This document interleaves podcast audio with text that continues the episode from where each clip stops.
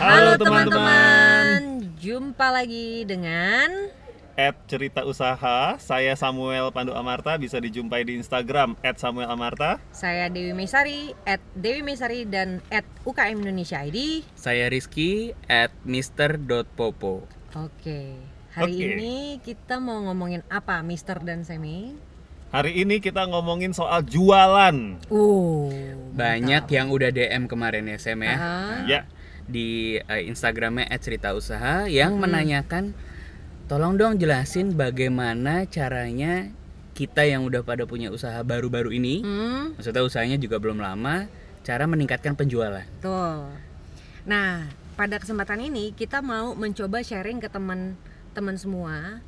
Sebelum kita ngomongin teknik praktek berjualan, ya. alangkah baiknya kita itu menyusun langkah strategisnya dulu, Sam. Betul. Bisa. Walaupun UKM ya, Walaupun UKM jangan alergi dengan kata-kata strategi. strategi. Wah. Jadi terkesan, wah berat banget sih mau jualan aja ngomongin Enggak. strategi kayak mau main catur aja. Betul. Nah, justru kita mau sharing dulu keseluruhan strategi sampai praktisnya supaya teman-teman yang UKM juga eh, bisa tahu kenapa orang-orang perusahaan besar itu bisa gede karena emang dia tuh sebelum jualan dia nyusun strategi dulu Ya, saya. dipikirin dulu. Dipikirin dulu. Ya. Nah, Gimana strategi ya Mbak Dewi? Nah, supaya enak nih teman-teman mudah memahami maksud dari tataran strategi sampai praktisnya, kita akan menelanjangi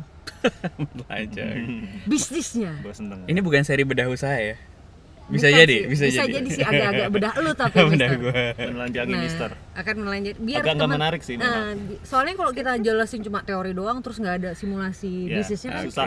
Males juga itu Betul. bukan cerita usaha dong namanya pelajaran marketing 101 Ya, nah gitu Karena Mbak Dewi dosen ekonomi juga ya iya ntar Gitu ya? jadi gue ceramah satu setengah jam Nah. kelar-kelar Mbak Dewi udah bosen ceramah itu. Ya, eh, jadi mendingan kita telanjangi aja bisnis Oke. lo.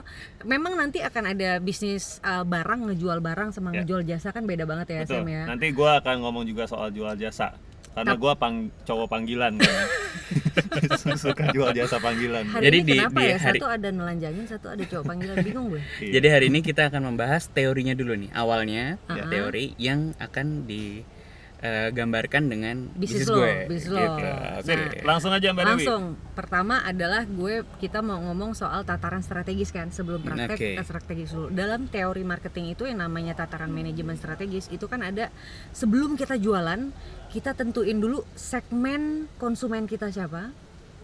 Terus segmen ini kita mau targetin titik lokasi di mana aja Hmm. sama kita mau memposisikan diri kita di di pasaran di peta persaingan pasaran tuh mau jadi produk macam apa Oke. gitu atau bahasa kerennya semi brand value Proposition. propositionnya Oke. gitu nah sekarang lo kan punya usaha beras organik nih udah Hmm, lama udah hmm. 10 tahun ya lo boleh ceritain nggak segmen dari produknya waktu lo memutuskan gue pengen jualan beras nih gitu Jadi kalau gue ceritakan sedikit ya, Ah, ah. Memang di awal gue ini buta banget sama namanya teori ekonomi. yeah Hmm. Jadi gue ngejalanin ini emang meraba-raba. Mm-mm. Cuman karena saking meraba-rabanya jadi eh, kurvanya tuh agak kepanjangan. ya learning Nah, curve-nya lama kan Jadi sepanjang gue jalan nih kan banyak ngobrol sama Mbak Dewi juga yang penuh dengan ilmu-ilmu ekonomi lah ya. Jadi menurut gue dengan cerita ini harusnya akan lebih mempercepat teman-teman di rumah membuat skemanya nih. Ya. Betul. Biar bisnisnya langsung terarah, nggak ngeraba-raba kebanyakan. Iya, itulah fungsinya teori memang. Nah tadi kalau ngomongin segmen ya, Ah, ah. mungkin gue baru meraba-raba segmen itu di berapa tahun ke tiga keempat ya gitu. Hmm. Cuman dari awal sih sebenarnya udah udah kebayang. Cuman akhirnya gue fokus ke sana. Ah. Oke. Apa Nah, tuh segmennya kayak gimana Jadi gini, kalau sasar? untuk cerita awalnya adalah beras organik ini gue gue memproduksi karena eh, melihat kondisi eh, dulu ada cerita. Jadi gue mulai usaha ini karena nyokap gue sakit cancer Hmm, mm-mm. dan pada saat 2008 gue mulai usaha eh, harga produk organik di Jakarta khususnya Hmm, itu luar biasa mahal. Oke.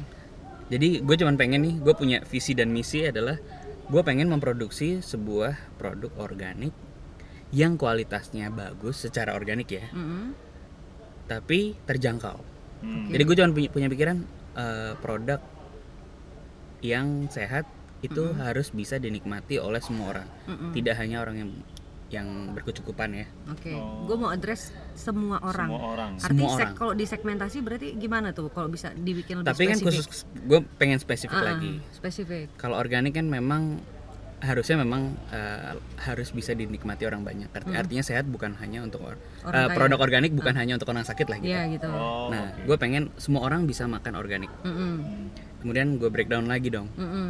Eh, s- kebanyakan kan kostum customer yang konsumsi beras atau membeli beras Mm-mm. itu kan wanita. Iya. Hmm. Bapak-bapak Ya, maksudnya bapak-bapak. nasi aja di meja makan. Pokoknya kalau Bapak-bapak bapak-bapak taunya udah ditanyain jadi nasi ya. Iya. Yang beli enggak, beras bapak-bapak taunya kenyang. Iya. Kalau ibu-ibu masih Mikirin tahu rasa, beras, ya. tahu rasa, tahu kualitas, tahu Oke. yang sehat buat anaknya, buat suaminya. Nah, berarti segmennya adalah perempuan, Perempuan. dan ibu-ibu. Dan Iya. yang nggak mesti lagi sakit. Nggak mesti lagi sakit. Iya.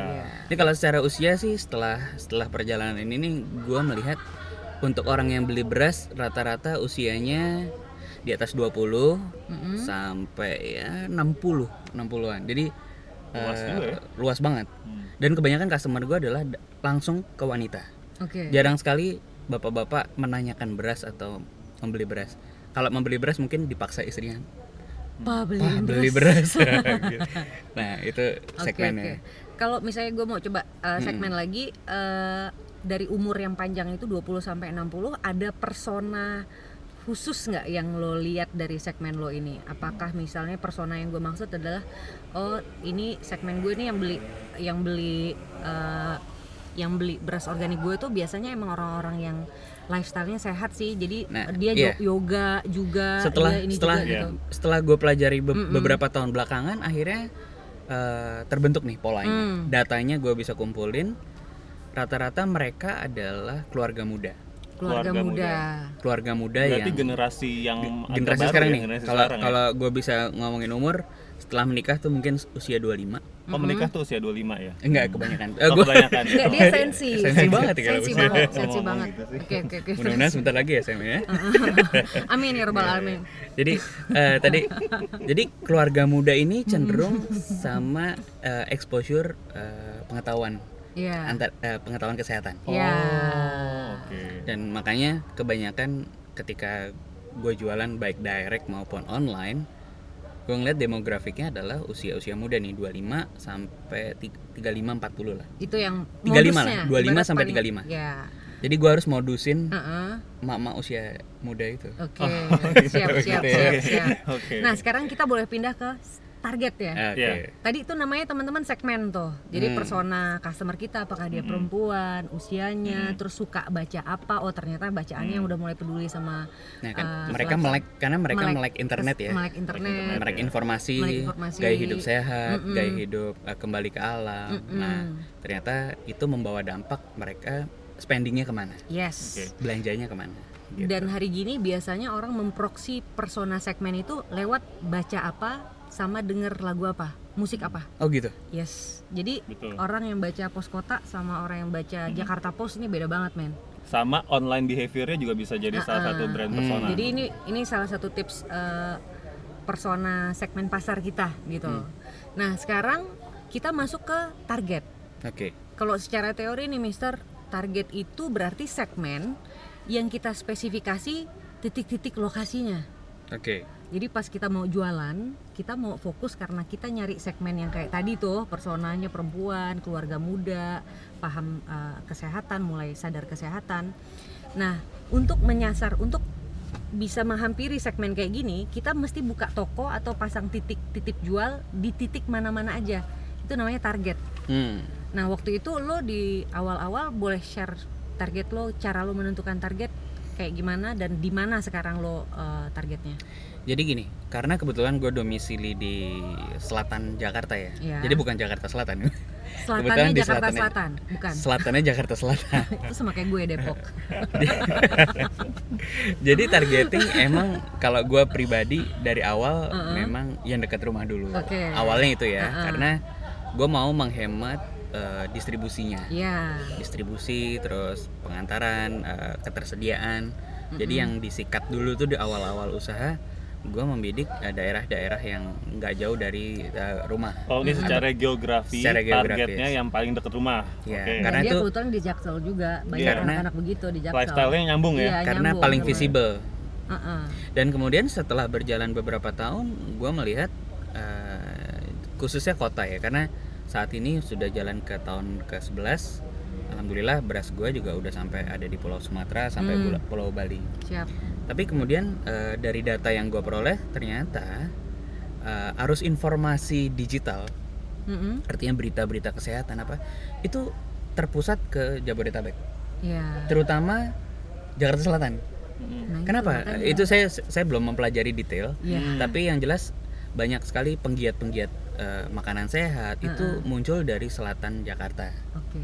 Nah, ini menjadi satu apa ya? Mungkin indikasi geo- geografis Mm-mm, mm-mm. yang yang karena ada orang di sini suka ini terus kemudian viral. Nah, Mm-mm. tapi di, di sekitar sini-sini aja. Mm-mm. Ya, tapi intinya eh, kalau gue mau bilang target gue memang eh, fokus utama tuh Jabodetabek sih. Mm-mm, Oke. mm-mm. siap Nah, karena kenapa? Karena setelah gue pelajarin masuk ke dunia online, eh, di luar kota ada demand tapi tidak terlalu besar.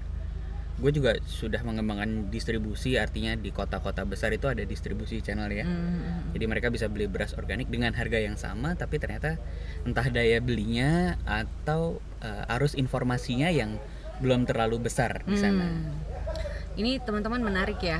Eh, ternyata untuk beras organik itu ujung-ujungnya terpusat di Jabodetabek dan setelah di break di zoom in lagi eh, terfokusnya di Jaksel lagi Ya. gitu ya di Jaksel dan ingat loh teman-teman kita harus kalau ngomongin mau ningkatin penjualan nih dalam menentukan target kita mesti punya prediksi jumlah penduduk Minimal nyari data dulu ya deh. minimal nyari, nyari data, gitu si produk-produk Hmm. yang teman-teman buat Ya. itu kira-kira bisa nyangkut di uh, market yang mana, Uh-uh. market di mana. Heeh. Misalnya target kayak lo jualan beras Hmm. waktu awal-awal tuh lo ngejar target laku berapa kilo satu bulan kalau boleh tahu Ya dulu sih di tiga Kecil, tahun pertama lah tiga tahun pertama tiga misalnya. tahun pertama menjual satu ton itu satu tahun sebul- satu, satu tahun ton sebulan per bulan. Itu effortnya luar biasa berat. Kenapa? Karena pada tahun itu seribu kilo belum soalnya itu belum belum ada belum banyak orang yang jual organik. Heeh. Jadi edukasinya berat sekali. Mm-mm. tapi setelah jauh setelah tahun ketiga mulai ada kompetitor mulai ada pesaing-pesaing lokal maupun internasional yang Hmm. masuk PR-nya jadi PR edukasinya jadi kebagi sama mereka Ah, semakin banyak informasi kan ya memang baik semakin banyak kompetitor artinya yang mengedukasi banyak jadi makin dong banyak tapi itu justru membantu Heeh. Nah, itu gitu. namanya ini lu keren banget ya bisa ma- bisa mengambil sisi positif dari persaingan Hmm, bener. ya karena karena kalau loh teman karena Iya. kalau kalau Punya kita berjuang Kalau kita berjuang sendiri kan ya bisa, cuman kurvanya kepanjangan nanti Nah. kelamaan harus mengedukasi satu-satu. Kalau ada Mm-mm. kompetitor kan kita tinggal main. Ya, nanti kita ngomongin positioning. Kita gitu. ngomongin positioning. Nah, jadi gini ya teman-teman, waktu awal-awal Mister Popo kan seribu nih. Nah, Hmm. maksud gue apakah untuk mengejar seribu gue harus menyasar Pulau Jawa dan Bali? Betul, secara Jangan-jangan geografisnya. selesai di Jaksel Betul. gitu loh. Nah, itu Jadi lu taunya gimana? itu Nah, target. Ini Ternyata target maksud saya gitu. ternyata eh, dulu gue langsung loncat nih main Hmm. main di dunia digital marketing Ah, ya. ah, ah, ah. Promosi secara digital. Eh, yang offline juga Mm-mm. artinya gue juga ngelakuin bazar, ngelakuin bagi-bagi brosur, Mm. ikut seminar, ikut apa, pokoknya semua channel gue gue kejar Mm-mm.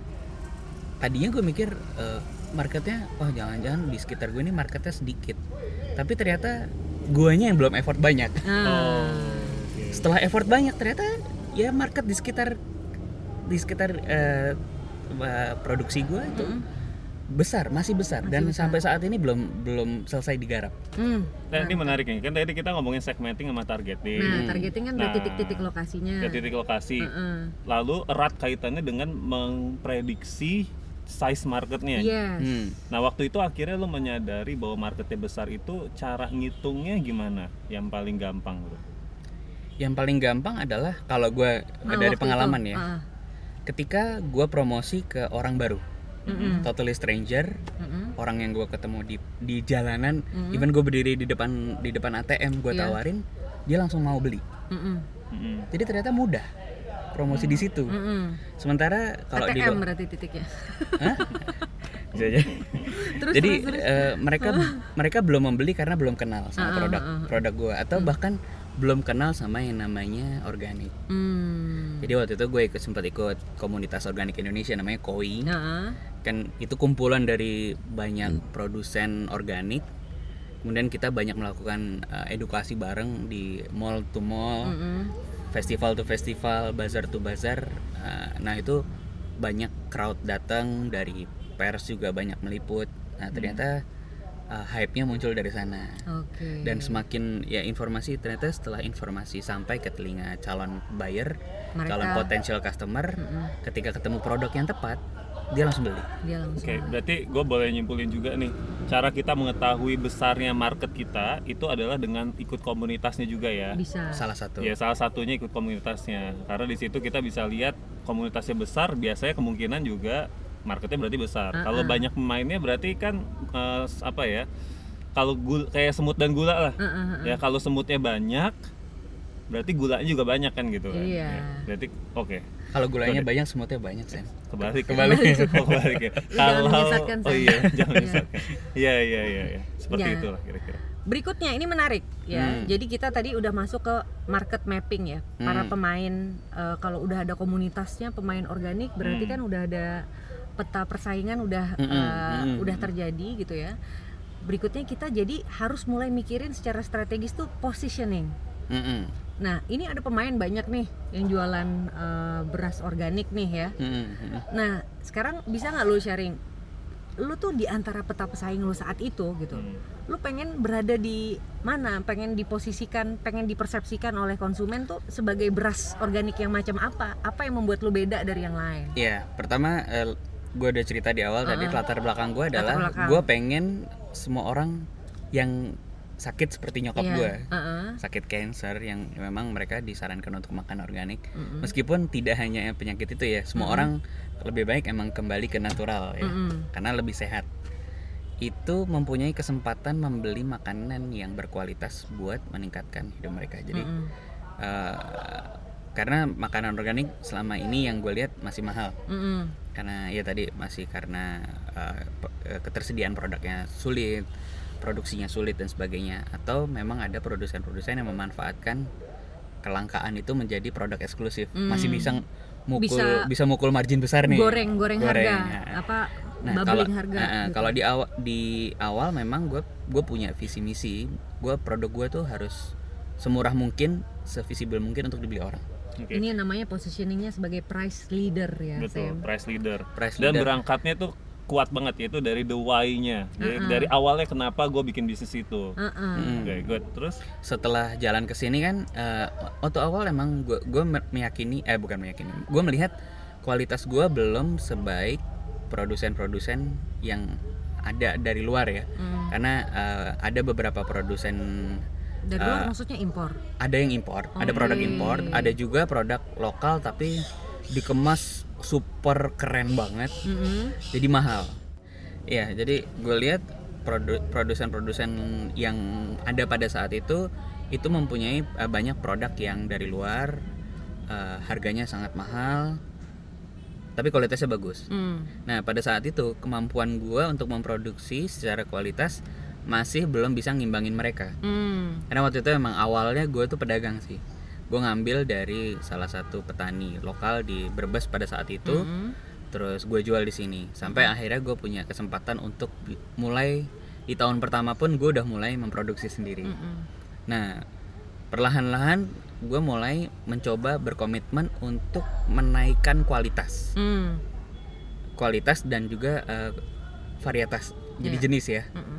jadi gue sekarang kalau di Jakarta ini ya di market gue ya terutama untuk dibandingkan dengan kompetitor eh, harga gue masih tergolong terbaik di bawah Berarti kalau misalnya ngeliat poster-poster positioning tuh ya, tahu poster gede ada hashtag termurah. Iya. Nah. eh, termurah atau enggak? Beda loh. sekarang gini Antara- sekarang sekarang nggak? sekarang kalau di Jakarta masih bilang itu termurah positioning Oh, tuh maksudnya. tapi kalau gitu. misalnya tiba-tiba ada yang dari daerah jual mereka memang termurah tapi ketika dikirim ke Jakarta masih ma- lebih mahal daripada gue Ah. Oke. ya. Jadi faktor Harga apa tuh? jual di Jakarta faktor ya. infrastruktur high cost ekonomi. Jadi harga jual pokok, Dewi. harga jual pokok ya, plus ongkir, keluar. plus ongkir. Ah. Nah, gue masih paling murah. Oke.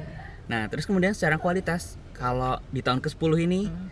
gue berani mengklaim produk gue juga bagus.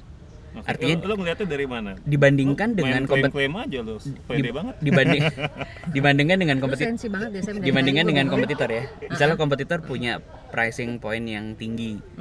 Nah, gue berani uh, adu kualitas lah. gitu. Oke. Jadi uh, kualitas ini pelan-pelan sepanjang jalan gue naikin. Jadi di awal kualitas gue emang nggak terlalu baik, Oke. tapi harga gue bagus. Hmm. Yang penting orang masuk dulu mau beli dulu, sambil jalan gue memperbaiki kualitas. Jadi gue sekarang mungkin punya dua positioning, satu harga bagus, termurah ya, ya eh, kualitasnya juga bagus dong sekarang gitu. ini bisa digabungkan jadi suatu frase pick up line Hmm. gue jadi tiba-tiba inget restoran Apa yang itu? pick up line-nya tuh gini rasa bintang 5 Oh, iya. harga kaki 5 Ya, bisa jadi gitu.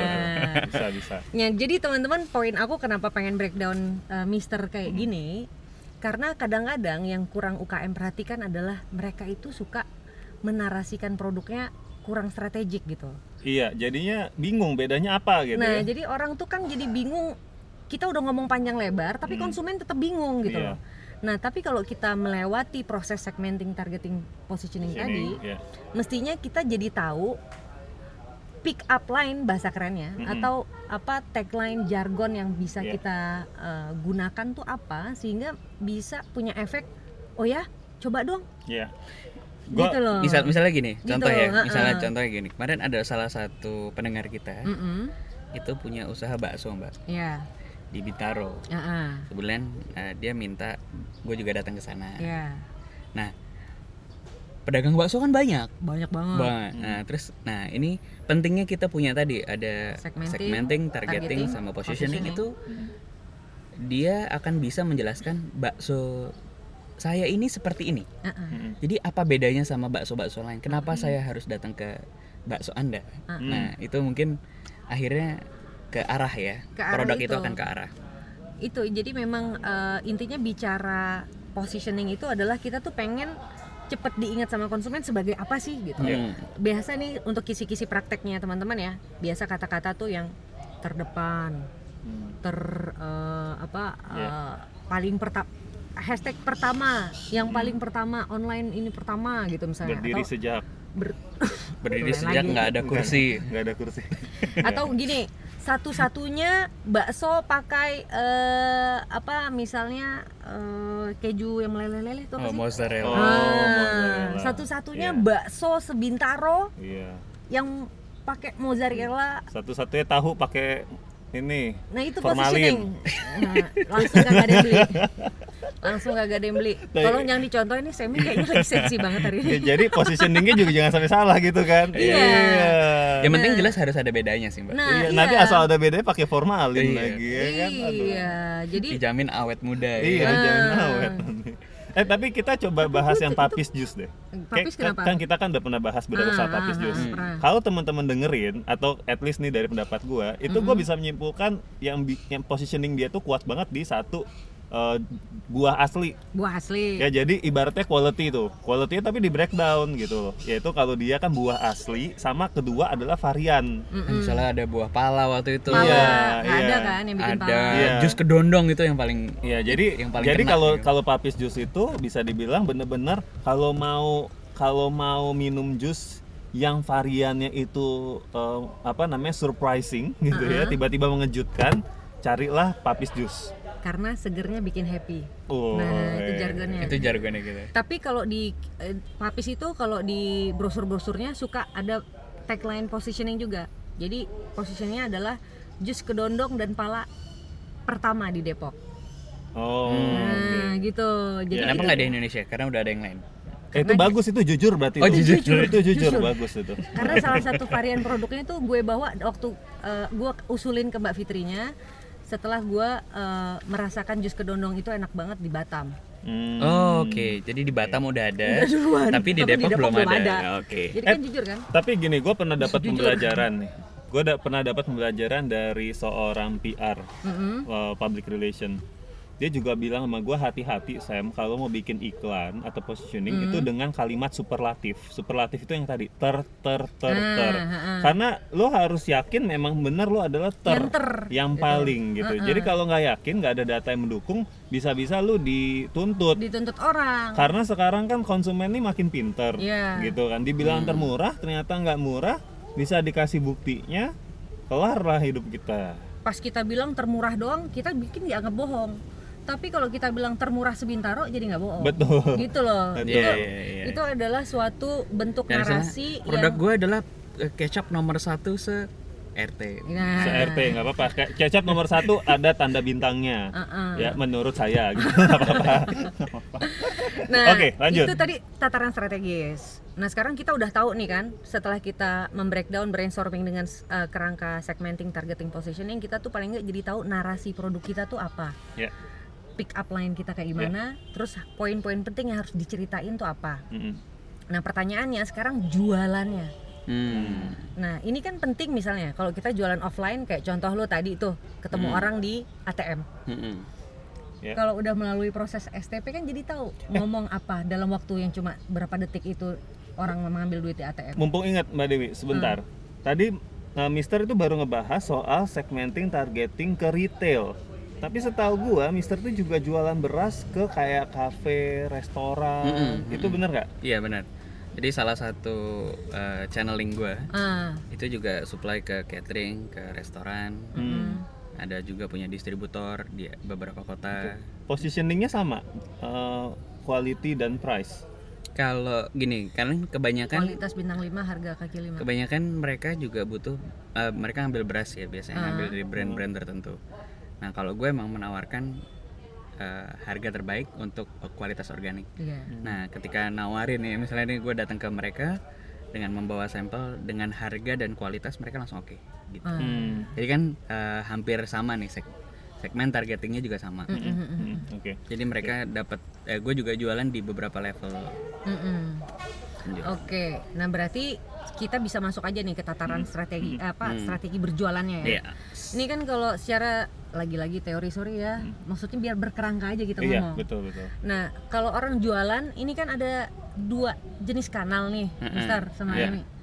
Di dunia sekarang, kalau dulu semua orang jualan offline. Hmm. Sebelum ada era online digital ya. Nah, tapi sekarang kan jadi bisa jualan online. Hmm. Iya. Nah, terus kalau zaman dulu orang itu ketika jualan cuma offline, itu ada dua kakinya, direct selling atau indirect, nggak langsung. Artinya Hmm. kayak seperti yang Mister lakukan, pakai distributor. Ada titip jual juga ada bisa. titip jual juga bisa nah terus ada yang langsung nah boleh lo breakdown nggak contoh kalau cara lo berjualan Iya. uh, beras organik nih lo lakukan indirect dan direct selling juga nggak secara offline dan online Jadi eranya tahun 2008 online juga sudah ada sebenarnya. Tapi Cuman masih belum belum ke warnet orang zaman belum itu belum seperti sekarang ya. Iya. Jadi hal yang paling visible yang bisa gue lakukan pada saat itu adalah jualan langsung. Mm-mm. Jadi yang pertama nih bisa gue jelaskan yang gue lakukan adalah door to door selling. Mm-mm. Apa istilahnya kalau dalam dunia? emang beneran Eh, door to door ya. emang beneran bawa beras Jadi ke rumah-rumah orang atau bawa beras sampel di motor, Mm-mm. terus parkir di satu titik, datang ke rumah-rumah satu-satu. Itu gue lakuin sendiri selama mungkin tiga tahun.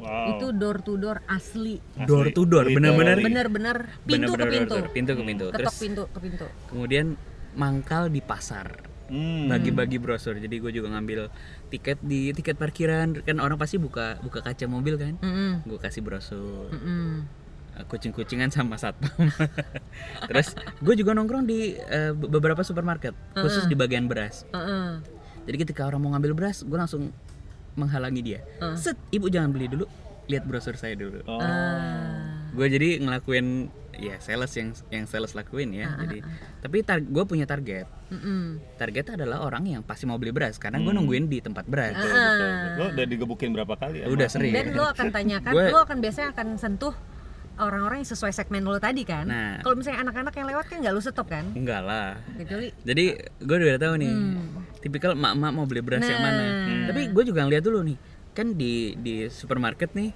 ada bagian eh, beras itu ditaruh berlapis-lapis ya Iya. ada yang mungkin ada yang berdasarkan yang paling murah sampai harga yang paling mahal Mm-mm. kalau dia ngambil yang paling murah nggak gua tawarin Nah, iya. Tapi Karena gua- beras organik itu biasanya lebih mahal. Dia. karena gue tahu Iya segmen kan? gua kan Heeh. Terus Iya. ini ini pentingnya si ibu-ibu ini mau ngambil let's say brand A B C Mm-mm. ketika dia mau ngambil brand A B C gue baru datengin dia bu saya Oke. punya beras kenapa karena posisi harganya si brand itu, ABC itu uh-uh. sesuai dengan posisi harga gue Uh-uh. Oke. tapi gue punya kelebihan kalau mereka Gua bukan organik. organik gue organik Uh-uh. gitu Iya.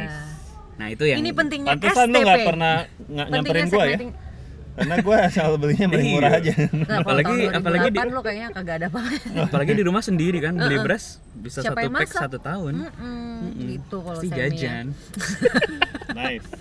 Oke, lanjut lagi Mister. Itu kan yang direct sellingnya. Mm-mm. Kalau yang indirect selling yang penjualan tidak Nah. langsung, karena semua itu meraba-raba Heeh. gue baru kepikiran punya reseller itu setelah satu tahun Hmm. jadi setelah capek jualan sendirian langsung ke Heeh, customer langsung kan ke customer. biasanya customer juga beli kan ya satu rumah tuh kisaran 10 kilo sampai 25 kilo lah. Hmm. per kalau bulan. kalau kan? keluarga muda kecil artinya baru menikah dua orang itu konsumsinya paling saat 5 kilo sampai 10 kilo sebulan Hmm, jadi akhirnya gue punya data juga iya. kalau orang yang eh, udah mulai eh, tumbuh keluarganya ada 4 sampai 5 orang Mm-mm. beserta pembantu misalnya bisa 25 sampai 30 kilo. Mm. Nah, kan kalau gue jual langsung itu juga nggak secara volume tidak besar. Iya. Akhirnya customer itu gue gue tawarin, Mm-mm. "Bu, mau nggak jualin beras saya?" Mm-mm. Ternyata dia mau dan begitu dia mau, jualannya kok si orang ini belinya langsung besar. Mm-mm. Itu pengalaman gue. Akhirnya, wah ternyata ini namanya reseller karena gue nggak punya ilmu Iya. marketing ya. Ternyata gue baru tahu, wah gini tuh caranya. Gue kurangin margin gue, gue kasih dia keuntungan, dia mau jualan gue lebih. Mm. Akhirnya gue pikir, oke, gue gue pilih customer gue yang kelihatannya si ibu-ibu ini agak cerewet, Ya, bisa jualan. bisa jualan. Gue kitik-kitik dia dikit, akhirnya dia mau bantuin gue jualan. Heeh. Hmm. Sampai sekarang gue punya reseller ibu-ibu kayak gini nih, Ah. baik pensiunan, emak-emak rumahan atau emak-emak kantoran, apa emak-emak pengajian atau sebagainya, itu hampir ada 200 reseller sekarang. Wush. Tepuk tangan saudara-saudara. Yang main jagonya ibu-ibu. Nah ini kan ibu-ibu kan, Kebayang kan omset mis- Mister berapa kalau Nah. reseller 200? nah Iya. Sebulan kenapa satu. kenapa kenapa kenapa si kenapa si ibu-ibu ini seneng jadi reseller? Heeh. Karena dia mau menutup, dia pokoknya mau beli beras Dia- gratis. supaya dia berasnya gratis. Iya, bener. Ini teman-teman sorry ya gue harus curcol nih, karena ini persis apa yang gue kerjain di Papis Jus. Gue suka minum jus itu, supaya gue minum jus gue tuh gratis. Gue jadinya jadi ah, resellernya Papis. Nah, Oh gitu. Gitu gue sama persis. nah, ini kan gue mempelajari eh, habit Mama emak-emak. sama gue. Emak-emak Emang habit. gue mama sih emang. Nah ini salah satu eh, akhirnya gue Habitnya oh ini ada sama. reseller. Dan reseller ini untungnya apa? Kalau di salah satu kanal seperti res- reselling ini adalah mereka beli cash. Hmm, Jadi gue antar mereka bayar. Iya. Jadi nggak ada utang-utangan. Enak untuk banget. untuk gue coba karena gue nyoba beberapa jalur lain yang indirect itu gue ada titip jual ke titip toko. jual. Kalau titip jual ini kan bayarnya jual nanti ini kan. Titip jual gimana gimana? Coba ceritain Titip dulu. jual tuh ada beberapa sekarang. Eh, ada toko yang mau bayar langsung. Mm-mm. Tapi biasanya dia harus yakin dulu bahwa produk yang gua titipin eh yang kita titipin itu adalah produk yang laku. Mm-mm. Hmm. Tapi kalau dia masih belum tahu nih oh, laku nggak ya, Heeh. dia pasti nggak mau. Pasti nggak mau. Maksudnya nggak mau bayar di muka. Iya. Dia pasti oke ya, saya kasih tempo satu minggu, dua minggu, ada yang satu bulan, ada juga yang jahat sampai tiga bulan. Hmm. Dibalikin nggak kalau nggak laku? Ada juga Retur nggak laku Retur, dibalikin. Retur. Tapi eh, karena ya kalau gue kan dulu test trial oke deh coba deh. Tapi waktu gua coba konsinyasi atau titip jual biasanya volumenya atau jumlah yang gue titipin nggak banyak. Hmm. tapi gue sering berkunjung. Ya. jadi misalnya gini gue di awal oke deh gue mau coba titip jual. Gue masukin 10 item saja ya. Kok dikit banget mas? Ya nggak apa-apa coba dulu. Kalau besok habis saat eh, 10 besok saya masukin 15 Mm-mm. Tapi nggak apa-apa saya datang tiap hari nggak apa-apa kok Mm-mm. karena gue nggak mau barang gue numpuk banyak di satu toko yang modal gue berhenti Iya, nggak muter. jadi gue trial oke dari 5 dulu ke 10 ke 20 kalau laku sampai ke 40 nah itu banyak ternyata di khususnya di Jakarta ini mulai banyak berkembang toko-toko organik boleh Dari kasih pasar. bocoran nggak Mister Mm. ketika titip jual itu Mm-mm. toko-toko atau restoran atau apalah tempat lo nitipin biasanya tuh minimal minta komisi berapa sih? Nah, kalau gue punya term sendiri, Heeh, gue jual di harga gue. heeh. Harga jual mereka terserah. Oh, Oh, gitu. nggak kayak papis jus ya. Kalau Nggak, Papis Jus kan, Papis Jus kebalikan. kebalikan. tapi gue punya standar HET, gue bilang harga Heeh. eceran tertinggi. Heeh. Gue bilang, Oh. gue kalau di customer harganya segini, silahkan boleh ngikutin, boleh bebas. Hmm. Tapi kan kalau dia jual jauh dari atas standar saya, ya dia punya resiko. Wah di sana lebih murah tuh, beli di sana aja kan. Jadi Hmm. ya gitu kan. Akhirnya orang akan memilih. Oke. Tapi ya ini gue sarankan. Tapi banyak juga kok yang akhirnya mereka punya eh, pasar sendiri yang nggak peduli harga. Jadi Hmm. karena produk gue masih harganya masih bagus, Hmm. Iya. ya beli aja. Oke, Atau jadi- karena lokasi juga. Hmm. Jadi kalau Iya. disimpulkan tadi indirect itu ada reseller sama Ada ada, titip- titip, jual. Titip jual. Titip jual ini bisa lewat toko offline, Iya sekarang kalau kalau ngomongin online titip jual juga bisa di mana ada juga ya. Ada dropshipping, ada apa sekarang kan nah, itu online bagian dari online juga. Oke. Terus ada juga Ikut eh, bazar nggak? Nah, Lo ikut bazar-bazar nggak jualan? karena gue tadi udah Ini masih di dikit. offline kan? Kita Offline, masih bedah offline. offline, kan? Karena tadi gue bilang gue ikut di komunitas, Hmm. komunitas organik Indonesia, terus kemudian ada komunitas pasar organik Indonesia, pasar organik Indonesia itu kan komunitas tuh. Mm-mm. Nah mereka sering banget ngadain bazar-bazar. Hmm. Ternyata ternyata oke. Mm-mm. Jadi itu bagian dari yang eh, karena karena komunitas tuh kadang-kadang menawarkan bazar gratis. Mm-mm. meskipun ada yang bayar ya terus ikut komunitas kadang-kadang gue diundang sama eh, Kementerian Perindustrian misalnya Mm-mm. ada bazar gue diajak Mm. nah itu ternyata eh, impactnya juga cukup bagus dari perkembangan ya brandingnya sendiri Mm. positioningnya kelihatan terus orang-orang bisa ngelihat beras gue segala macam nah Oke. jadi datang ke komunitas buat teman-teman yang baru mulai bisnis itu penting banget Mm. selain buka network juga membuka wawasan karena kadang-kadang lihat kompetitor sama-sama jualan kita bisa ngamatin oh dia ngelakuin itu Mm-mm. gue bisa contek tuh kemasannya beda ya. kemasannya beda ya. nih Oh dia berani pasang harga segitu ya? cara gitu jualnya kan? gini oh dia Iya. pakai spanduk kayak gini oh brosurnya dia kayak gini oh cara dia mendekati customer yang model begini caranya begitu nah itu Mm-mm, mm-mm. kalau kalau buat gue gue belajar langsung Iya, siap siap. Nah itu tadi berarti kalau kita recap kan berarti offline itu ada lewat bazar yang door to door. Kalau Hmm. direct sellingnya bazar sama door to door. Indirectnya datang ke tadi catering Iya. apa semua kan dari B2C B2B Ah, ah, ah, Hmm. itu kan lo datang Ah, ah. direct sellingnya ke B2B dan B2C lewat bazar, lewat door to door datang Mm-mm. satu-satu. Tapi yang indirect lo ada punya reseller yang berasal dari kons- konsumen lo sendiri Iya. dan juga titip jual di beberapa Yup. uh, toko. Jadi lo nggak punya toko sendiri ya? Nggak. Oh punya iya, bener kantor juga. pun nggak punya Oke. cuman punya gudang gudang pun di rumah Nah, iya. sampai sekarang Nice. Jadi lu memang hemat modal ya bro. Overheadnya ringan. Overhead Ini di contoh cost-nya itu yang ringan. pengen kita ceritain ke teman-teman betul. karena gitu nggak loh. punya modal awalnya kan memang nah, nggak punya modal jadi jangan bisnis dengan pola yang berat banget biaya rutinnya gitu loh, Iya, Sam. iya, iya. Oke. Oke, itu tadi offline. Offline. Sedikit dong sentuh tentang cara lo jualan online. nah kalau online kebetulan gue juga bukan orang teh apa eh, tech geeks ya Mm-mm. tapi gue belajar sendiri nih dari awal dari eranya Kaskus Mm-mm. awal dulu tahun 2008 Kaskus masih berjaya gue jualan beras di Kaskus tuh rame ternyata Mm. ada loh orang nyari beras di Kaskus nah, gue masuk ke Kaskus. Ada. Kaskus Cari jodoh aja ada. terus Kasus itu memang tempat kasak kusuk emang. terus eh, Facebook lah jelas tapi kalau Facebook kan targetnya adalah teman Uh-uh. teman sekitar kita eh, nge-stempel di jidat dan di status bahwa Mister Mister itu beras. penjual beras Uh-uh. produsen beras nah semakin banyak kita kenal kan kita me- mengedukasi mereka juga Mm.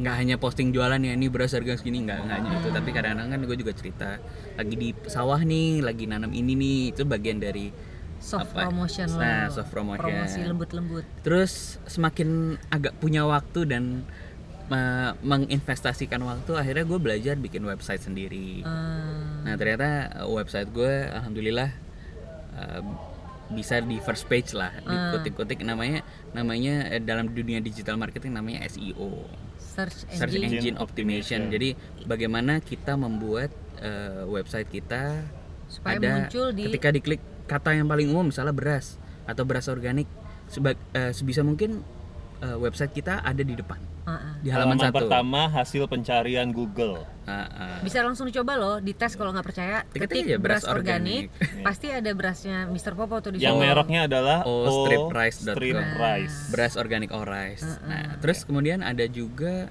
yang gue lakuin setelah bertahun-tahun ada namanya Google My Business atau Goo- kalau dalam Indonesia namanya Google Businessku. Itu semacam kartu card gitu di di mesin pencarian Google yang informasinya ada telepon, ada website, ada arahan alamat dan sebagainya. Itu gratis. gratis dan langsung bisa chat ya. Langsung bisa chat sekarang. Nah, ini baru muncul hari ini. Eh, tadi lu Pertayang hari ini tanggal berapa nih? Tanggal 21. 21 Nah, Desember. eh, ini baru bisa. Tadi langsung gua aktifin, bisa langsung dicoba. Hmm. Nah itu gratis, semuanya serba gratis. Terus kemudian nggak lama juga gue juga agak telat juga masuk ke dunia e-commerce. Hmm. Jadi baru ya baru 2-3 tahun ini gue masuk ke e-commerce. Ada di platform mana aja nih Orai? Ada hampir di semua platform. Oh jadi jadi website lu itu nggak bisa langsung beli di website. Nggak. Kalau Hanya di- informasi. Kalau di website itu pokoknya orang nyari kata umum muncul gue. Hmm, hanya informasi ya. Jadi kayak istilahnya landing page atau Oke. halaman muka lah. Ah, Orang bisa transaksi di e-commerce. Di- Bisa transaksi dengan hubungin nomor CS gue Yang ada di website. yang ada di ya website. itu kan masih manual kan sebenarnya. kan? Nah, atau di apa di dalam website itu gua kasih link backlink atau jebakan menuju e-commerce gua. Nah, Oh, Jadi gua nggak bikin toko kayak- sendiri Kita dalam- boleh nyebut nggak sih nih? Boleh Ya, aja sebut aja. sebut aja Kayak. Tokped gitu-gitu maksudnya Jadi e-commerce tuh. saat begitu gua masuk, gua langsung masuk karena gua nggak tahu mana yang terbaik. Akhirnya gua masuk semua. Oh. Jadi Kaskus tetap ada, ada Tokopedia, Bukalapak, Shopee. Mm-mm, masuk semua. Gua masuk semua. Hmm. Dan alhamdulillah beberapa tahun ini udah jadi top seller di atas ya. Hmm. Jadi kalau nyari beras merah, beras hitam, beras apa pun ada gue di atas. Hmm. Nah, Tepuk itu tangan lagi. boleh boleh boleh di Kapan dong gua ada di atas? boleh lah. Jualin semi. Tolong teman-teman kita pikirin STP untuk semi. Iya. Maksudnya untuk apa nih? Gue dijual Ya, sebagai apa tahun dulu? depan lo nggak sih? Oh, sendiri gitu Dua- loh maksud gue. 2019 ganti status Eh, ya. ganti- Oh, iya. 2019 ganti status gitu Iya. maksud gue. Gitu. Terus apa lagi ya? Em, kalau untuk online ya jelas masih ada reselling tuh masih ada. Ada reseller online. Dropshipper ada karena begitu lo posting di Tokopedia, Bukalapak, Shopee itu pasti ada orang yang mengcopy toko lo. Tapi Oke. dia beli dari toko lo, dia punya market sendiri. Gua nggak tahu caranya gimana, tapi yang jelas mereka ada pembelian. Eh, Iya benar-benar. Misalnya gini, gue lihat di Tokped, Mm-mm. gue search punya lu. Mm-mm. Ada Warung yang lu kan ada namanya yang ini kan, namanya eh, apa? Dodolan payu. Dodolan Payu nama tokonya dia. Iya, Tapi terus beras orange tuh ada di ada di mana-mana. banyak. ada di toko lain. Nah, itu nggak apa-apa. pa- Lu nggak masalah. Itu nggak Gue masalah. nggak ya? masalah karena mereka juga men- menciptakan penjualan buat gue. Hmm. Sepanjang dia tidak black campaign ya. Mm-mm. Eh, maksudnya tidak menjelekkan produk gue, terus layanannya juga baik. Harganya kan juga pasti beda tuh. Harganya beda, makanya ya nggak ada Dia bisa masalah. lebih murah nggak? Itu namanya rezeki tidak tentu. Ah, ah. Tapi bisa lebih murah nggak dia jual? nggak, Nggak. jarang. Minimal standar. Kalau ada kalau ada reseller gua yang offline tadi buka toko di Tokopedia atau Bukalapak, mereka harganya sama. Hmm. Karena mungkin mereka mempermudahkan customer mereka untuk bertransaksi di sana. Oh, Iya, oke. di titik sana Eh, eh. tempat dia Toh berada. juga harganya sama kan. Heeh. Dan mereka punya eh, titik misalnya gini gue di Jakarta Selatan dia di Jakarta Utara tapi punya stok gue di sana maka akan lebih mudah ngelayanin karena kadang-kadang Gojek nih kita ngomongin. Gosen Mm-mm. Gosen dari Ah. selatan nggak sampai ke Kelapa Jakarta Gading Utara, atau, iya. atau Ancol gitu kan Benar benar benar. nah itu kan bagian dari distribusi makanya Iya, iya. Oke, silahkan aja kalau gue Itu namanya rezeki. Kalau udah yang namanya rezeki emang tidak akan tertukar. Kalau anak masih bisa tertukar. Masih. Kalau di sinetron, di Di sinetron. sinetron. cincin juga Ya. cincin. salah pasang Cincin mana Waduh, cincin? gawat nih. Gue nggak pengalaman sih kalau cincin. Nah, terus- teman-teman mudah-mudahan sharing kita ngasih gambaran sedikit ya. ya cuman ini kan masih tataran Masih baru nyentuh-nyentuh. nyentuh-nyentuh dikit Heeh. tapi yang jelas nanti kita bertiga juga akan membahas ini mendetail mendetail. Jadi kayak contohnya, setiap produk itu supaya banyak orang yang punya reseller, margin yang mesti ditawarin kan beda-beda. Mm-mm. Cara kan? nyari reseller. Cara nyari reseller, bikin Hmm. skema resellernya supaya menarik banyak orang yang mau jadi reseller kita. Itu bisa kita bedah di atau partai yang berbeda. atau misalnya cara bikin toko apa di Google My Business-nya nongol di paling Nongol di pertama. paling pertama. Hmm, ini itu bisa ya. dibahas tuh. Nah. Terus bagaimana memenangkan pertarungan online di e-commerce? Mm-mm. Tokopedia, Bukalapak, Shopee. gua Pemilihan keyword, Bro. pemilihan keyword. Ya. Nah, Nah, itu, itu, kan banyak bumbu-bumbunya. kalau ya. diomongin bisa sampai tiga, eh, tiga hari dua malam. Tiga hari, dua Eh, malam. Tiga gue hari, pernah malam. bikin workshop digital marketing sama Mister itu 6 jam Gua pernah ikut Ya kan, growth dan masih hacking. dan masih berlanjut. dan masih berlanjut Gua gitu pernah loh. ikut growth hacking online kayak begini. Itu ikut seriesnya enam kali pertemuan. Setiap kali pertemuan itu kurang lebih 4 jam. Iya. Jadi memang nanti kita akan bikin part-partnya sendiri, eh, part-part sendiri. Nanti bisa jadi khusus sessionnya Mister ngomongin yang online, Ya. gue nanti bantuin bagian yang offline-nya, Mm-mm. lalu bagian communication-nya dan lain-lain dan eh, untuk pengenalan pertama soal cara-cara berjualan mudah-mudahan lewat membedah. Jadi agak-agak Iya, jadi usaha ya. iya, jadi sebenarnya ini juga bukan promosi beras gue juga, Bukan. cuman supaya teman-teman di luaran sana yang dengerin bisa dapat gambarannya yang utuh. pat, yang praktis Eh, eh, gitu loh. Karena kalau kita ngomongin ini teorinya begini, ini teorinya begini, nanti ngebayanginnya susah. susah, ngebayanginnya susah, apalagi meraktekin. Ya. Bayangin aja susah, meraktekin tambah bingung. Oke, Nah, kalau gitu itu ya. Teman-teman. Teman-teman, ma- eh, itu gambaran dari kita. Mudah-mudahan lebih kebayang nih dapat Ya. eh, apa cara-cara meningkatkan penjualan kayak gimana offline dan online. Dan sebelum praktek berjualan, ada baiknya kita nyusun strateginya dulu, Ya. biar tahu waktu ketemu sama customer ngomong apa, narasinya jitu, Ya. bikin orang jadi akuisisinya juga mantap. dan membantu kita untuk memilih channel penjualannya di mana. Yang Kalau pas. tadi kita tahu harga kita memang agak di atas, maka channel penjualannya pun pasti akan berbeda. Yang sifatnya untuk semua segmen. Ya. Iya. Nah, setelah ini, setelah dengar semuanya nih, kita pengen para pendengar eh, cerita usaha juga mengirimkan feedbacknya. Ya. Kalau ada pertanyaan yang pengen lebih dikulik duluan yang mana? Yang mana? Atau langsung kasih case aja, teman-teman punya bisnis apa? Pengen kita bahas nanti ya, mungkin kita bikin Q&A lagi ya kita bisa bikin Q&A Sesi yang pertanyaan. sektoral Heeh. bisa juga kita bahas sektoral nanti ya maksudnya sektoral tuh bahas bisnis restoran bisnis jasa bisnis apa Iya. itu juga bisa kita kerjain yang penting yang paling banyak demand paling banyak feedback masuk tentang itu itu yang Kita akan kita dahulukan. dahulukan gitu kan Jadi selama ini kan. memang yang sudah tanya kebanyakan ya sudah kita jawab sedikit-sedikit Ah, sam- sambil kita menyiapkan materi yang relevan dari pertanyaan tersebut. Jadi Oke. kalau mau ngasih feedbacknya jangan lupa tinggal DM di cerita At usaha cerita At usaha. cerita, usaha di Instagram. di Instagram. Instagram. Oke teman-teman sampai jumpa di episode berikutnya. Thank you, bye-bye. Bye.